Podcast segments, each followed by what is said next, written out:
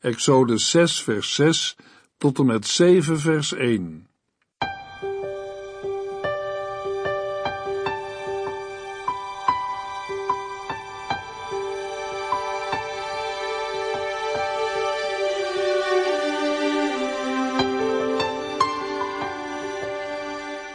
Hartelijk welkom bij De Bijbel Door, een programma van Transworld Radio. De Bijbel Door is een radioserie die u in vijf jaar meeneemt door de hele Bijbel. Van Genesis 1 tot Openbaring 22.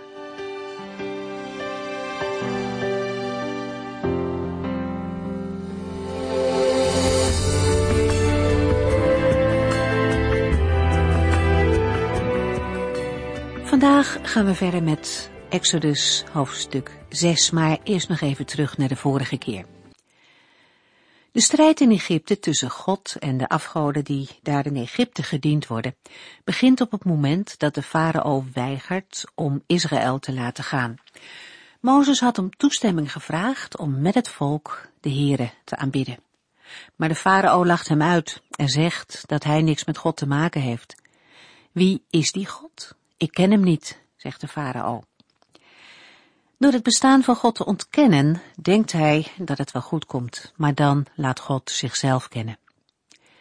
De farao van Egypte was meer dan zomaar een machthebber. Hij stond in verbinding met de godenwereld. Hij was een incarnatie van de goden. Maar het zal echter heel duidelijk worden dat de Heere God alle macht heeft. Farao en de afgoden stellen niets voor in vergelijking met de Heere God. Maar eerst wordt de situatie voor de Israëlieten alleen maar slechter. Als het volk Israël vraagt om een paar vrije dagen voor de Heere, verzwaart de farao de werklast enorm. En de leiders van het volk keren zich nu ook tegen Mozes en Aaron. Hun positie is niet benijdenswaardig. En dan doet Mozes het enige wat hij kan. Hij gaat terug naar de Heere God. En hij vraagt God waarom alles nu verkeerd lijkt te gaan. En dan bemoedigt de Heere Mozes. Het volk zal zeker verlost worden. Mozes en de Israëlieten zullen zien wat God kan doen. En de hardvochtigheid van Farao zal Gods liefde en verlossing alleen maar des te duidelijker laten uitkomen.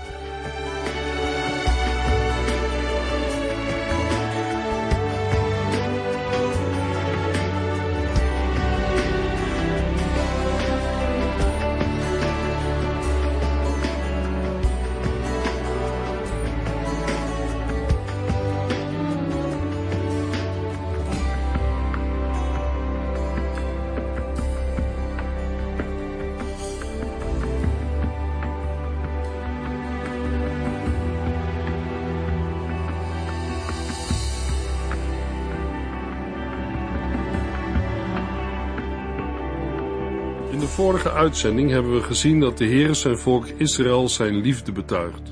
Ik heb de onderdrukking van het volk Israël als slaven van de Egyptenaren gezien. En ik heb mij mijn verbond herinnerd. Exodus 6 vers 4. Daarna krijgt Mozes opnieuw de opdracht om naar het volk te gaan, om hen de woorden van de Heere door te geven. En wat zijn dat voor woorden? Exodus 6 vers 5 tot en met 7. Daarom moet u de afstammelingen van Israël vertellen dat ik mijn enorme macht zal gebruiken en grote wonderen zal doen om hen uit de slavernij te bevrijden. Ik zal hen aannemen als mijn volk en ik zal hun God zijn. En zij zullen weten dat ik, de Heere, hun God ben, die hen heeft gered van de Egyptenaren. Ik zal hen brengen naar het land dat ik Abraham, Isaac en Jacob al heb beloofd. Het zal hun toebehoren. De Heere wil Mozes en de Israëlieten bemoedigen. De God van Abraham, Isaac en Jacob heeft het kreunen van Israël gehoord en gaat hen bevrijden. De Heere God heeft steeds weer zijn liefde voor Israël laten zien, als ook zijn verlangen om hen te helpen. De Heere zegt Mozes dat hij Yahweh is de ik ben die ik ben, hoeft geen voorbereidingen voor de toekomst te maken. Hij bestaat in zichzelf. Hij is eeuwig, zonder begin en zonder einde. Hij was, is en zal er zijn. De Heere is niet afhankelijk van iets in de schepping. Hij leunt niet op iets, integendeel. Alles in de schepping leunt op hem. De Heere God wil ook dat Mozes op hem zal leunen. De Heere vertelt Mozes dat hij is verschenen aan Abraham, Isaac en Jacob, maar niet met de naam Yahweh. Als Yahweh wil de Heere zijn volk redden uit Egypte en hen als zijn eigen volk aannemen. De Heere wil hen van slavernij bevrijden en hen naar het beloofde land Canaan leiden. Door dit alles zullen zij weten dat ik de Heere hun God ben. In de versen 5 tot 7 laat de Heere God zeven keer het ik zal van bevrijding horen. Dit handelen van de Heere wordt beschreven in zeven zinnen, waarvan de eerste drie aangeven dat hij het volk zal verlossen uit Egypte. Hij zal die verlossing bewerken met zijn enorme macht. In andere vertalingen lezen we met uitgestrekte arm, een variant op het hij zal worden gedwongen uit vers 1. Het als ik met hem klaar ben uit vers 1 is een vooruitwijzing naar de plagen die Egypte zullen treffen als oordeel over de onbuigzaamheid van de farao. De volgende twee zinnen die het handelen van de Heer beschrijven, laten zien dat hij de Israëlieten aanneemt als zijn volk. De verwoording herinnert uitdrukkelijk aan de verbondsluiting met Abraham in Genesis 17.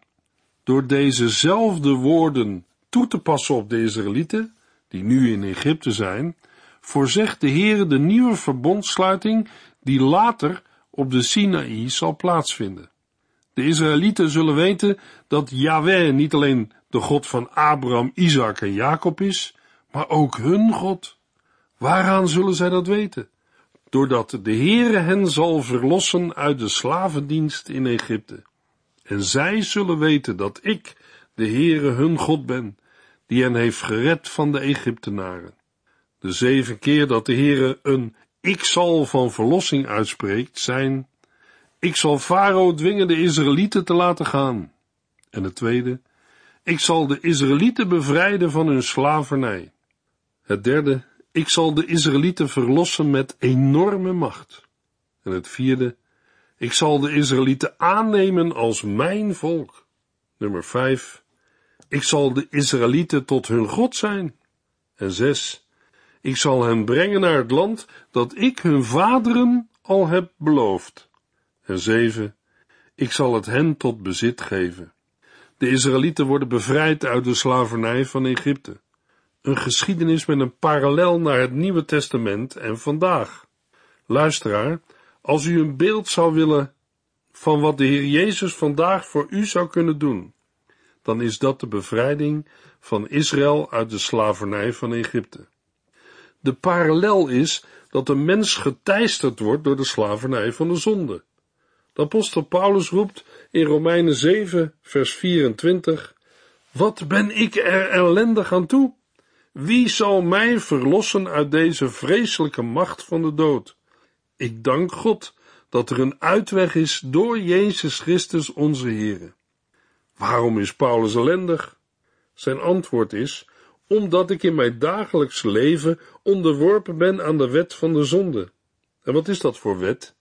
Paulus zegt, ik ben een mens van vlees en bloed, die onderworpen is aan de zonde. Mijn doen en laten zijn voor mezelf een raadsel. Wat ik doe, want ik doe niet wat ik graag wil. Nee, ik doe juist dingen waar ik een hekel aan heb. Romeinen 8, vers 14 en 15. Hoewel ik het goede wil, doe ik het niet.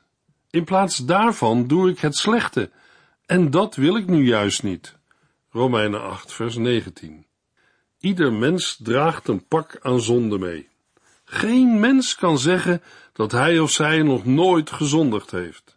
De Bijbel zegt dat het loon van de zonde de dood is, maar de genade van God geeft wat niemand verdient: eeuwig leven met Christus Jezus.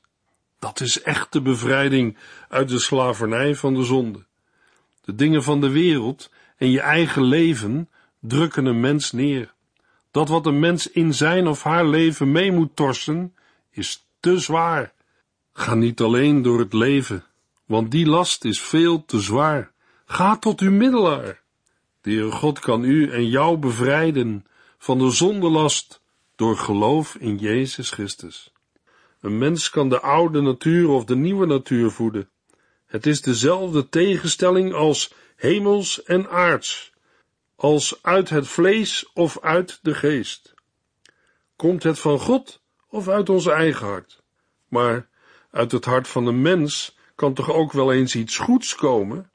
De Bijbel, het woord van God, zegt van niet. In Matthäus 15 vers 19 zegt Jezus het zelf. Uit het hart komen slechte gedachten, moord, overspel, ontucht, diefstal, leugen en roddel voort. Dat maakt de mens onrein.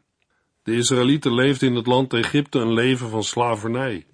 God zei, ik ga jullie hier weghalen. Ik ga een einde maken aan de slavernij en jullie bevrijden. Ik zal je verlossen door mijn enorme macht, mijn uitgestrekte arm. Daarvan zegt de profeet Jezaja.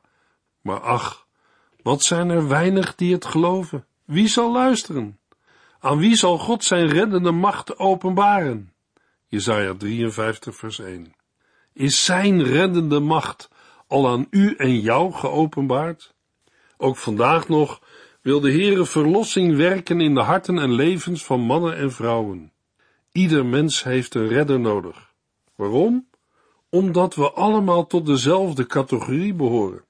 Of een mens nu veel zonde heeft gedaan of weinig, we horen allemaal bij de categorie zondaars. Wij mensen kunnen het best getroffen hebben met onszelf. In het algemeen zijn we aardig tevreden over onszelf. Maar hoe denkt God daarover? In zijn ogen en naar zijn normen is er niemand die goed doet. Omdat we allemaal zondaars zijn, hebben we ook allemaal verlossing nodig.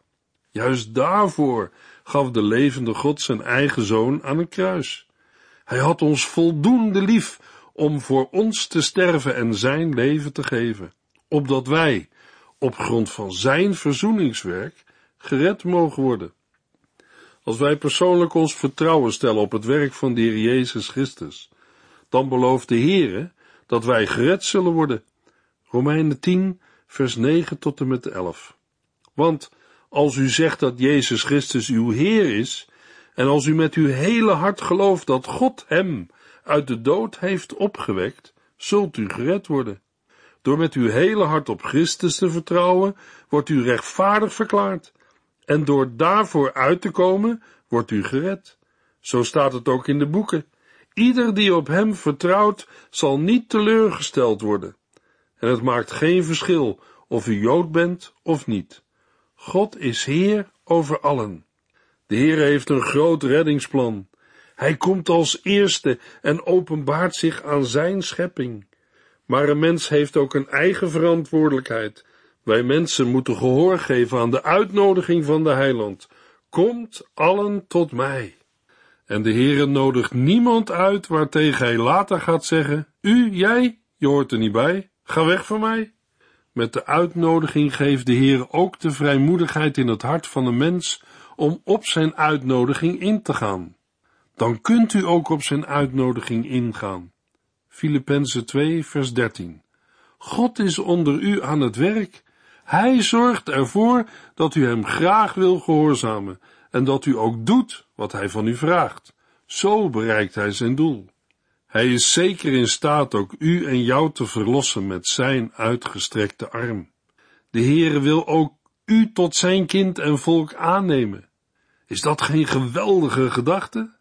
De Heer God wil kleine en zondige mensjes uit de modder en vuiligheid van de zonde oprapen en hen tot zijn zonen en dochters maken door het geloof in Christus Jezus. Daarmee zegt de Heer precies hetzelfde tegen ons als tegen de Israëlieten in Egypte. Ik zal u tot een God zijn. De Heer redt geen mensen om daarna weg te gaan en hen alleen te laten. Hij wil onze God zijn. Wilt u, wil jij dat ook? Als de Heer uw God is, dan is dat te zien. Als een mens werkelijk gered is, dan leef je geen leven alsof God niet bestaat. Als u uw vertrouwen op de Heer Jezus Christus als redder hebt gesteld, zal uw leven veranderen. Dan wordt de Heer uw God. Dan zult u voor hem neerknielen en hem erkennen als uw God. De Heere wil u net zo graag verlossen als de Israëlieten uit Egypte. Hij wil dat ook u, de Heer Jezus Christus, als Verlosser en Heere kent. Ik zal u tot een God zijn. Weet u, luisteraar, dat is nu het allermooiste wat een mens in zijn of haar leven kan horen. Voor de grondlegging van de wereld was het plan van God al klaar. En ieder die in hem gelooft, zal niet verloren gaan. Dat heeft geen kerk of geestelijke bedacht. Het komt rechtstreeks uit de hemel. Het komt van God zelf. Daarvoor vond de Heere geen grond in mensen, maar in zichzelf. Het is voor hem geen worsteling om de wereld lief te hebben, ondanks hun falen. De Heere God heeft lief, omdat het in zijn natuur ligt om lief te hebben. Dat mogen de Israëlieten ervaren in Egypte, maar dat kan vandaag nog steeds worden ervaren. Tegen de Israëlieten zei de Heere, ik zal u brengen naar het beloofde land, naar Canaan. Het was het land dat de Heer had beloofd aan Abraham, Isaac en Jacob. Canaan is geen beeld van de hemel.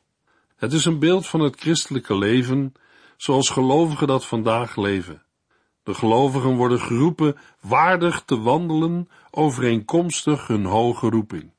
Door de vervulling met de Heilige Geest mag een gelovige genieten van alle geestelijke zegeningen die de Heere heeft gegeven. De apostel Paulus verwoordt het aan de gemeente van Efeze met de woorden: Ik vraag u dringend te leven zoals past bij mensen die door de Heere geroepen zijn. Wees nederig en vriendelijk. Heb geduld met elkaar en verdraag elkaar vol liefde. Doe uw uiterste best de eenheid te bewaren die de Heilige Geest onder u tot stand heeft gebracht, door in vrede met elkaar te leven. Wij horen immers allemaal bij hetzelfde lichaam. Wij hebben dezelfde geest. Wij verwachten dezelfde heerlijke toekomst, omdat God ons heeft geroepen. Voor ons is er maar één Heer, één geloof, één doop. En we hebben allemaal één dezelfde God en Vader die boven ons allen staat, die in ons allen is en door ons allen werkt. Maar ieder van ons heeft genade gekregen naar de mate waarin Christus die gegeven heeft. Efeze 4. De Heer heeft zijn gave aan de gemeente gegeven. Daarmee moeten de gelovigen gediend worden om hen klaar te maken God te dienen, zodat de gemeente als het lichaam van Christus zal groeien en sterk en volwassen zal worden. En waartoe zal dit alles goed zijn? Efeze 4, vers 14 tot en met 16. Dan zullen wij volledig mens zijn, volwassen geworden door alles wat Christus in ons heeft gedaan. Wij zullen dan niet langer als kinderen zijn, die zomaar van gedachten veranderen. Wij laten ons dan ook niet meer door van alles beïnvloeden. Ook niet door de verkeerde leer van slimme mensen die ons op een dwaalspoor willen brengen. Nee, dan zullen wij vol liefde de waarheid volgen en alleen doen wat waar is, en zo steeds meer één worden met Christus, die het hoofd is van het lichaam, de gemeente. Door hem wordt het lichaam prachtig samengevoegd. Elk deel helpt de andere delen naar vermogen, zodat het hele lichaam gezond groeit en vol liefde is. Gelovigen leven soms zwaar onder hun geestelijke stand. Ze leven alsof ze in de woestijn van de wereld failliet zijn. Alsof zij niet met allerlei geestelijke zegeningen gezegend zijn. Efeze 1 vers 3. Zeker, er is ook oorlogvoering en er is ook strijd. Maar in hem zijn wij meer dan overwinnaars. Gelovigen kennen een levende redder. Paulus maakt het in het vijfde hoofdstuk van Romeinen duidelijk dat we door geloof zijn gerechtvaardigd en vrede met God hebben door de Heer Jezus Christus. Wij hebben toegang tot Hem. Er kan en mag vreugde zijn, midden in de moeiten en de verdrukking. Laten christenen vandaag niet leven als onveranderde mensen, maar hun roeping en meester waardig, naar de belofte en het woord van de Heere. Exodus 6 vers 8. Mozes vertelde het volk wat God had gezegd, maar zij wilden niet naar hem luisteren. De gevolgen van zijn eerdere uitspraken hadden hen totaal ontmoedigd. Luisteraar, Kunt u de reactie van de Israëlieten een beetje begrijpen? Ze waren door de verzwaring van de dwangarbeid totaal ontmoedigd. Voor hen was het, menselijk gesproken, nu onmogelijk Mozes te geloven. Hij had hen van de wal in de sloot geholpen en is verantwoordelijk voor de zwaardere werklast. Exodus 6, vers 9 tot en met 12. De Heere sprak opnieuw met Mozes en zei, Ga terug naar de farao en zeg hem dat hij het volk van Israël moet laten gaan. Maar ziet u het dan niet? protesteerde Mozes. Als het volk al niet naar mij wil luisteren, hoe kan ik dan verwachten dat de farao dat wel zal doen? Ik ben toch immers geen spreker? Toen beval de Heere Mozes en Aaron opnieuw naar het volk Israël te gaan en ook naar de farao om te eisen dat hij het volk zou laten gaan. Mozes zit in een moeilijk parket. Wie zal hem nog geloven? Toch zegt de Heer hem opnieuw naar het volk en naar de farao te gaan. Is zijn oog meer op de omstandigheden dan op God gericht? Exodus 6, vers 13.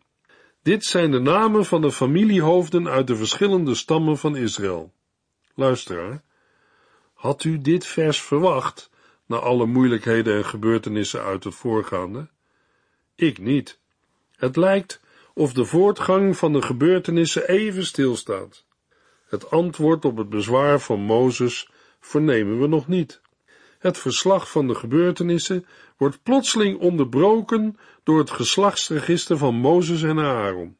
Uit het gegeven dat de versen 28 en 29 de woorden van vers 12 weer oppakken, blijkt dat dit geslachtsregister geen nieuwe pericoop vormt, maar een onderbreking is. Het lijkt erop dat het geslachtsregister op deze plaats is ingevoegd om de vertelling te vertragen en zo de spanning bij de lezers op te voeren. Bovendien wordt de lezer zo, voordat de cruciale confrontatie aanbreekt, er nog eens aan herinnerd dat Mozes en Aaron behoren tot de stam van Levi. Het geslachtsregister introduceert tegelijkertijd de families van de stam Levi, met name het priestergeslacht van Aaron, dat vanaf de Sinaï zo'n belangrijke rol zal spelen in Israëls geschiedenis. Het geslachtsregister zelf wordt ingeleid door de woorden: Dit zijn de namen van de familiehoofden uit de verschillende stammen van Israël. Dat wil zeggen, de familiehoofden van geslachten van de Levieten, waaruit ook Mozes en Aaron afstammen.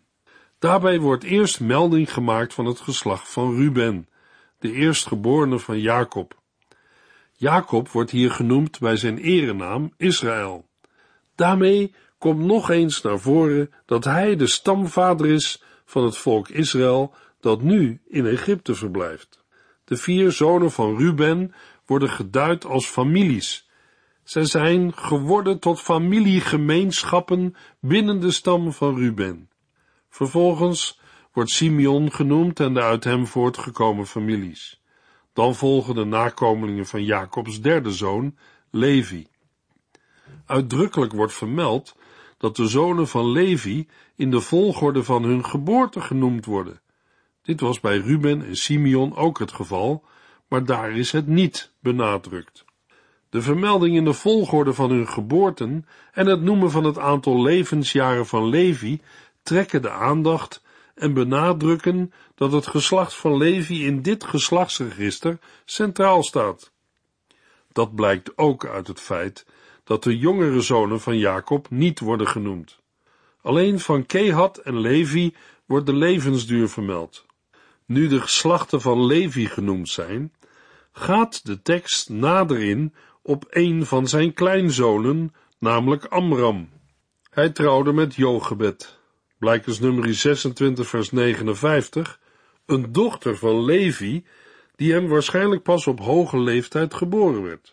Zij was dus zijn tante, de zuster van Amrams vader Kehat. Later zou een dergelijk huwelijk verboden worden, Leviticus 18. Maar in de periode voor het verblijf van Israël bij de Sinai was dat nog niet het geval. Amram en Jochebed waren de ouders van Mozes en Aaron. Ook van Amram wordt, evenals bij Levi en Kehat, de levensduur genoemd. Zo wordt duidelijk dat de rode draad in dit geslachtsregister gevormd wordt door de lijn Levi, Kehat, Amram.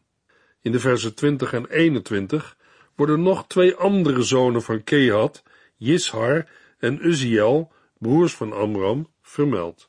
Zij zullen later nog een rol spelen bij de verschillende gebeurtenissen. In het geheel neemt het geslacht van Aaron een belangrijke plaats onder de Levitische families in. Met betrekking tot de Koragieten valt op dat reeds in de woestijntijd het geslacht van de Koragieten een aparte plaats inneemt onder de Levieten. Wellicht is dat ook de reden dat de nakomelingen van Korach hier genoemd worden. Later in de geschiedenis van Israël zullen zij een belangrijke functie in de tempel vervullen. Ten slotte worden, in vers 24, de zonen van Eleazar, de zoon van Aaron, genoemd. Hij is de derde zoon van Aaron, maar vanwege de voortijdige dood van zijn oudere broers, Nadab en Abihu, is hij het die uiteindelijk zijn vader opvolgt als hoge priester. Eleazar huwde een dochter van ene Putiel, die ons verder onbekend is. Hun zoon Pinahas behoort in de woestijntijd tot de leiders van het volk en is in zijn ijver voor de Here een voorbeeld voor latere generaties. Het geslachtsregister werd voorafgegaan door een samenvattende opmerking over Mozes en Aaron. Het geslachtsregister sluit ook af met een samenvatting. Daarmee wordt nogmaals duidelijk dat het geslachtsregister van de Levitische families op deze plaats functioneert om de afkomst van Mozes en Aaron aan te geven. Exodus 6, vers 25 en 26. Dit waren de namen van Levi en van de gezinnen binnen de families. De Aaron en Mozes, die in bovenstaande lijst voorkomen, zijn dezelfde Aaron en Mozes tegen wie God zei, leidt het hele volk uit het land Egypte weg. Exodus 7 vers 1 De Heere zei echter tegen Mozes, ik heb u aangewezen als mijn vertegenwoordiger bij de farao, en Aaron zal uw woordvoerder zijn. Nu vernemen we voor het eerst de reactie van de Heere op Mozes bezwaar. De Heere spreekt Mozes bemoedigend toe. De Heere bekleedt Mozes met een goddelijke volmacht. Ik heb u aangewezen als mijn vertegenwoordiger. Hoe zal dit verder gaan? Zal de farao luisteren? Daarover meer in de volgende uitzending.